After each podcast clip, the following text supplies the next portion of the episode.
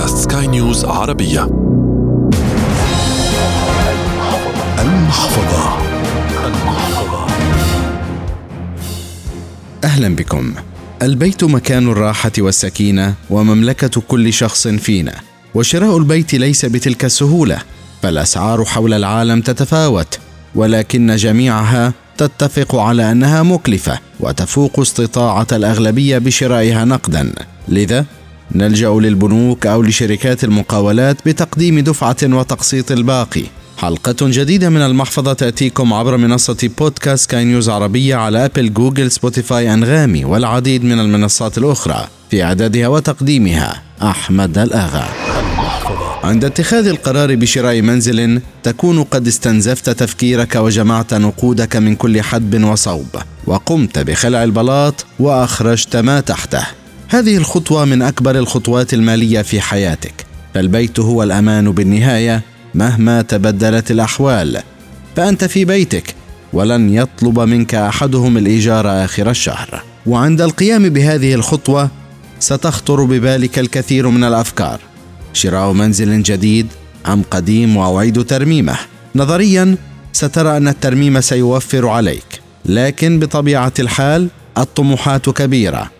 والحلم في النهاية بيت خيالي.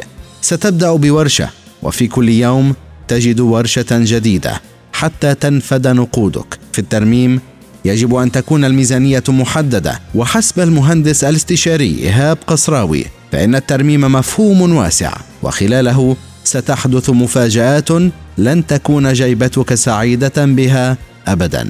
بداية لابد نوضح أنه مصطلح الترميم مصطلح واسع. قد يعني بعض الأعمال البسيطة أو المتوسطة اللي بتكون تكلفتها والوقت اللي بتحتاجه محدودين نسبيا. وقد تعني أيضا أعمال رئيسية كبيرة مثل بعض التعديلات أو الإصلاحات الإنشائية واللي بتحتاج وقت وتكاليف وأحيانا خبرات عالية. أما بالنسبة للتكلفة وأي الخيارين أوفر ففي حالة شراء منزل جاهز جديد بتكون قيمة أو ثمن هذا المنزل معروفة ومتفق عليها من البداية.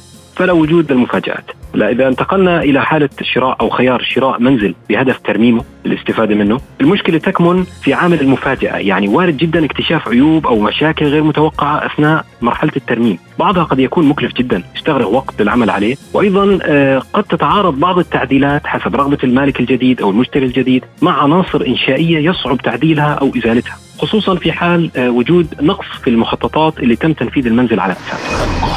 وبعيدا عن المفاجآت هناك أمر عليك إدراكه مبكرا حسب مهندس الجودة والمواد الإنشائية بدر أبو ستة أن البناء له عمر وكلما قصر عمره ستخسر عليه الأموال لعلاجه.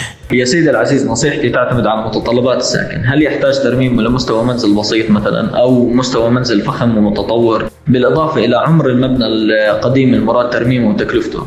ولكن في معظم الحالات نصيحتي هي إنشاء منزل جديد. السبب الأول على على فرض انه المنزل المراد ترميمه عمره الآن 30 عام، بالأخذ بعين الاعتبار أنه العمر الافتراضي للأبنية الخرسانية المسلحة هو 60 عام، بناء على الكود البريطاني. طبعا تختلف من دولة لأخرى الآن آه، في حال انتهاء العمر الافتراضي للمبنى لن ينهار بشكل مفاجئ ولكن خلينا نحكي سيخرج عن نطاق الضمان الهندسي. رأيي يجب الكشف عليه بشكل دوري من قبل مختصين بعد تعديل 40 عام لتفادي أي كوارث.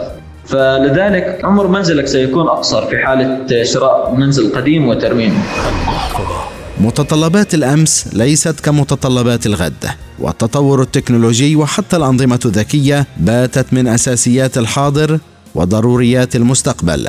مهندس الجودة والمواد الإنشائية بدر أبو ستة يرى أن تكلفة تأسيسها في بيوت قديمة ستكون مكلفة جدا بينما تكون جاهزة في البيوت الجديدة وبدون عناء.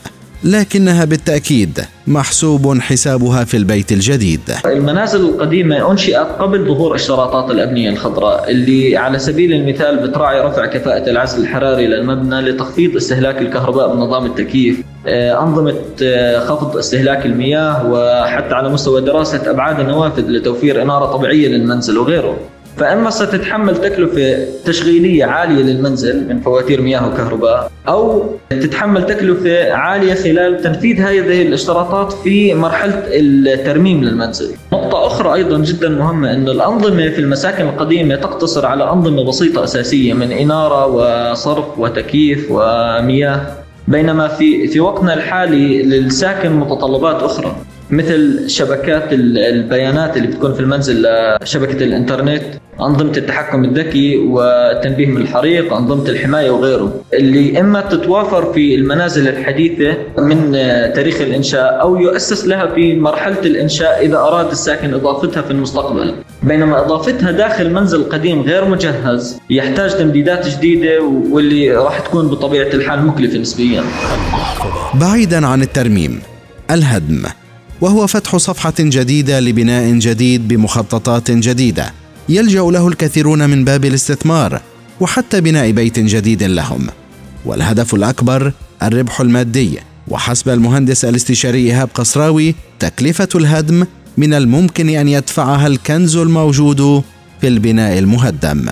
لا هذا بزنس شائع في كثير من الدول لكن جدوى الاقتصادية بترجع لعدة أمور. منها آه، تشريعات وأنظمة البناء في الدولة مثل العمر الافتراضي مثلا وتقنيات البناء وغيره. وأيضا موضوع تكلفة اليد العاملة يعني قد يكون مجدي اقتصاديا ببعض الدول والعكس في دول أخرى. جرت العادة في هذا النوع من أعمال الهدم والإزالة خصوصا في المباني السكنية. نحكي عن مساحات صغيرة فلل وبيوت وعمارات صغيرة. أنه مقاول الهدم بيسترد آه، أمواله أو قيمة أعمال الهدم آه، من خلال استفادته من المعادن الحديد والنحاس والألمنيوم وغيره اللي بيستخرجها من هذا المبنى. الآن مالك هذه الأرض قد يستفيد من بعض الأمور. يعني عادة ما بناخذها بعين الاعتبار كثير لكن قد يستفيد مثلا إذا في أسوار حالتها جيدة ممكن يستفيد منها. إذا في خزانات أرضية ممكن يستفيد منها آه، أحيانا ممكن يكون وفر عليه قيمة الحفر مثلا.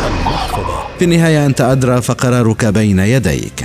إلى هنا تنتهي هذه الحلقة من برنامج المحفظة والذي يأتيكم عبر منصة بودكاست سكاي نيوز عربية على Apple Google Spotify أنغامي والعديد من المنصات الأخرى. تقبلوا تحيات أحمد الآغا من الإعداد والتقديم وغسان أبو مريم من الإخراج الإذاعي.